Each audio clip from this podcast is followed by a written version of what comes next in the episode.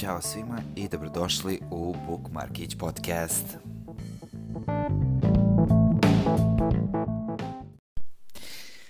Uh, zdravo svima i evo uh, još jedne epizode Book Markić podcasta.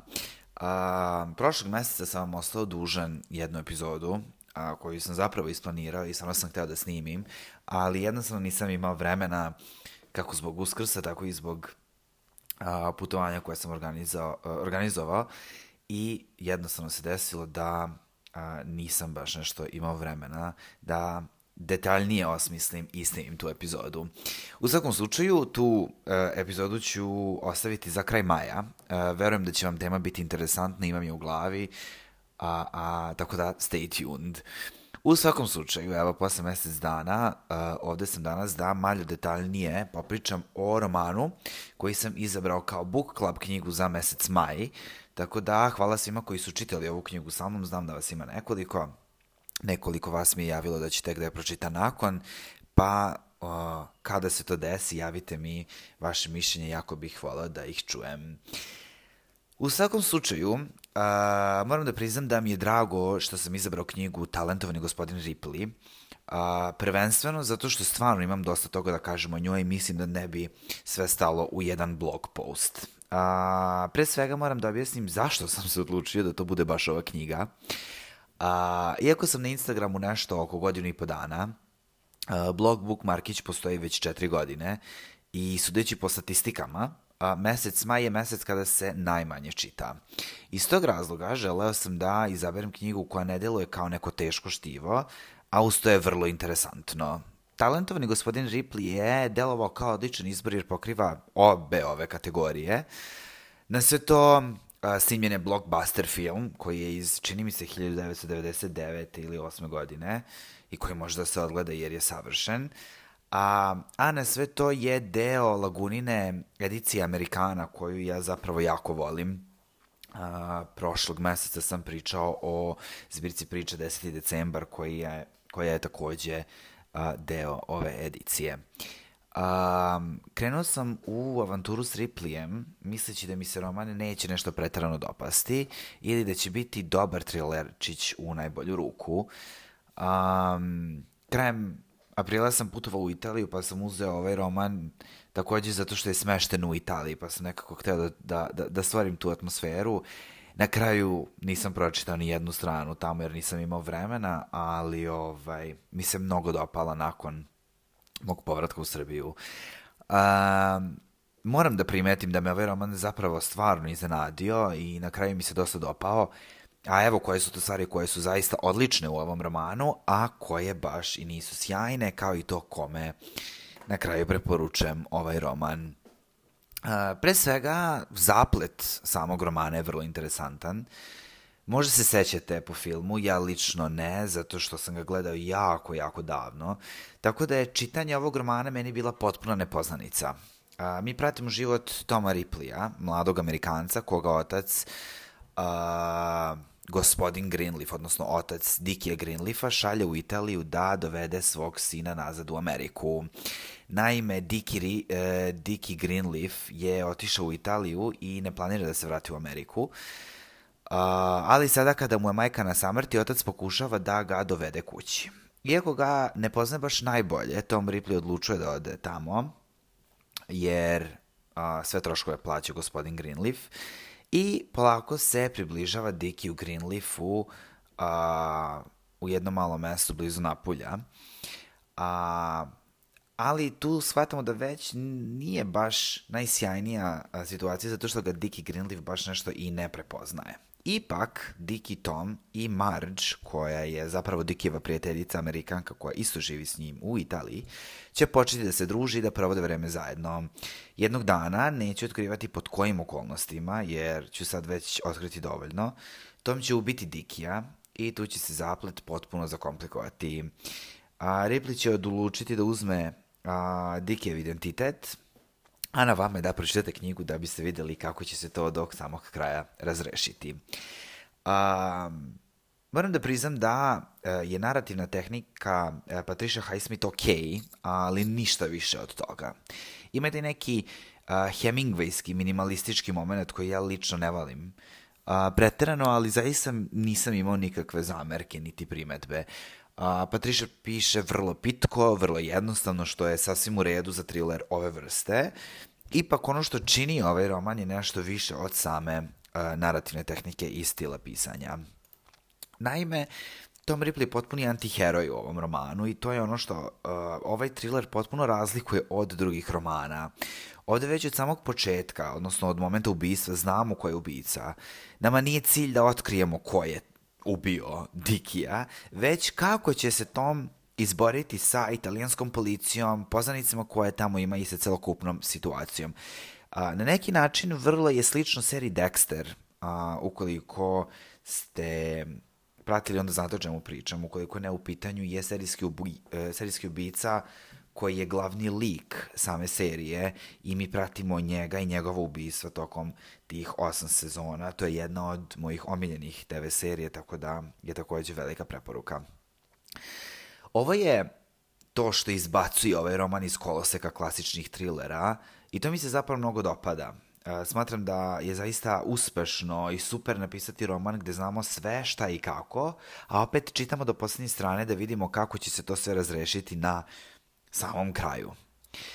Um, iako Patricia Highsmith nije vele majstor u opisivanju, a, moram da priznam da je zaista uspela da stvori jednu posebnu atmosferu koja je jako bitna za čitanje ovog romana.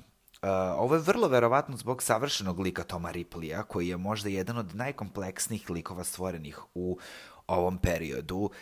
A, njegov psihološki profil je nešto o čemu možemo pričati i detaljisati dosta dugo, što je za svaku pohvalu.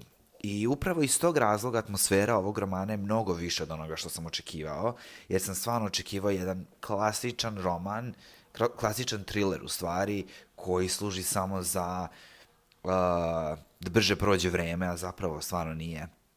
Osim Toma Ripleya, Patricia na jedan vrlo suptilan način odlično razradila lik njihove drugarice Marge, ali i samog Dickie Greenleafa, iako se on pojavljuje samo u uh, jednoj trećini ovog romana.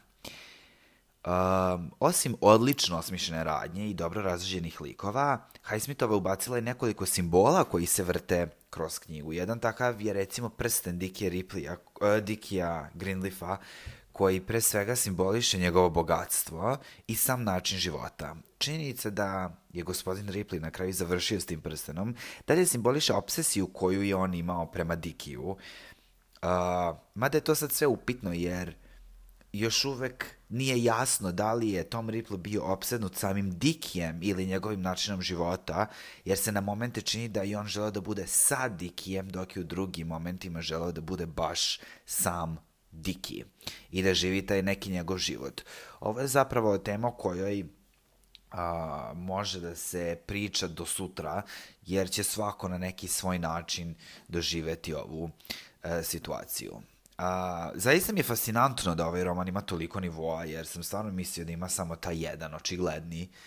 Ovo nije samo thriller, pre svega nije klasičan thriller, što sam već pomenuo, ali ovo je zapravo priča o nekim drugim klasama iz tog vremena, o opsednosti identitetu, o tome do koje granice su neki ljudi spremni da odu da bi dobili to što žele.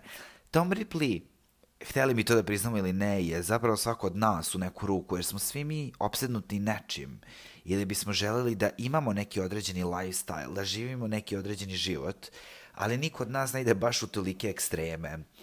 Isto tako, nemoguće je da ne skinemo kapu Tomu Ripleyu za način na koji je sve uspeo da organizuje i da osmisli, jer je, iako je on zapravo negativac u ovom romanu, mi na neki način i navijamo za njega, bar ja, jel? Uh, Naravno, nakon pročitane knjige morao sam da pogledam i film. Još uvijek mi nije jasno da li mi se više svideo film ili knjiga, jer su stvarno i knjiga i film odlični, iako se razlikuju nekim bitnim stvarima. A, pre svega, Matt Damon i Judd Law su zaista odradili neverovatan posao i odglumili savršeno njihove likove, ali recimo lik Marge u filmu, koja je pripala Gwyneth Paltrow, a, mi se nije nešto pretredno dopala jer mislim da je potpuno pogrešno prikazana. Marge uh, ne bi trebala da bude ni malo dopadljiva u romanu, ali je ova filmska marđ dopadljiva od same, od prve scene zapravo i tu se apsolutno gubi taj neki moment nepodnošenja Marge Sherwood. Takođe, film je nekako načinio većeg čoveka od Ripleya nego što on to zaista jeste. Jer u romanu Ripley baš nema nikakvo osjećanja prema drugim ljudima. Ne postoji moment u kom se on emotivno veže za bilo kog lika. U filmu je to malo drugačije. Možemo da ga zamislimo kao potpuno običnog momka iz okoline, dok je Ripley iz romana mnogo otuđeniji, samim tim su njegovi postupci možda malo razumljiviji, posebno jer imamo malo detaljniji uvid u njegovo detinjstvo i njegovu prošlost. A, isto tako film dode neke nove momente koji ne postoje u romanu, ali na samom kraju sve to zaista izgleda odlično. Verujem da je film dosta doprineo da mi se ovaj roman svidi više nego što jeste u samom početku. A, meni se talentovani gospodin Ripley zaista dosta dopao i dao sam mu pet zvezdice, iako ne mogu da kažem da je ovo jedan od najboljih romana koje sam ikad pročitao, ali me zaista pozitivno iznenadio. Možda je a, na sve to uticala a, i moja ljubav prema negativcima, uvek sam volao negativci, uvek sam volao te neke antiheroje, tako da mi se talentovani gospodin Ripley zaista dopao, jer možemo da vidimo a, iz perspektive jednog psihopate, na koji način on razmišlja i kako on pristupa tom ubistvu i samom tom lifestyle-u. Tako da moj zaključak da preporučujem Ripleya svima. A, mislio sam da je trash literatura, ali je zapravo Jako dobar roman, čita se vrlo lako i brzo, vuče na čitanje što je dodatan plus, a na sve to ima toliko nivoa o kojima možemo pričati, o kojima možemo i razmišljati i razgovarati. Odlično je štivo za neki book club, odlično je štivo za uh, buddy read, odlično je štivo za odmor recimo, tako da ću ga svakako uvrstiti u romane koje treba poneti na plažu ove godine na letovanje. Uh, Ja bih volao da čujem vaše mišljenje o romanu ukoliko ste ga pročitali, ukoliko niste planirate, pročitajte ga, pa mi se javite, jer bih stvarno volao da ih čujem, kao što sam rekao već pet puta do sad. A, što se tiče Book Club knjige za sledeći mesec, a, u pitanju je roman od jednog od mojih omiljenih pisaca, Kazua Ishigura, a čitat ćemo njegov poslednji roman Zakopani džin, koji možete naći u izdanju izdavačke kuće Dereta. A, podcast o ovom romanu ću snimiti u prvoj polovini juna, ali ono što vas takođe očekuje ako ste za to zainteresovani jeste Instagram Buddy Read, Instagram Buddy Read, koji ću ponovo organizovati sa Josefinom K sa Instagrama, odnosno Zoranom koja stoji iza bloga Knjigoteka. Mi smo prošlog meseca čitali zajedno, analizirali sa grupicom ljudi na Instagramu roman a, Beleške jedne Ane, Mome Kapora, a u junu će to biti jedan od romana Nobelovca a, Saramaga ali o tom potom javit ćemo sve na vreme. Mi se slušamo krajem maja sa novom Chit Chat epizodom, a do tada budite pozdravljeni i ćao.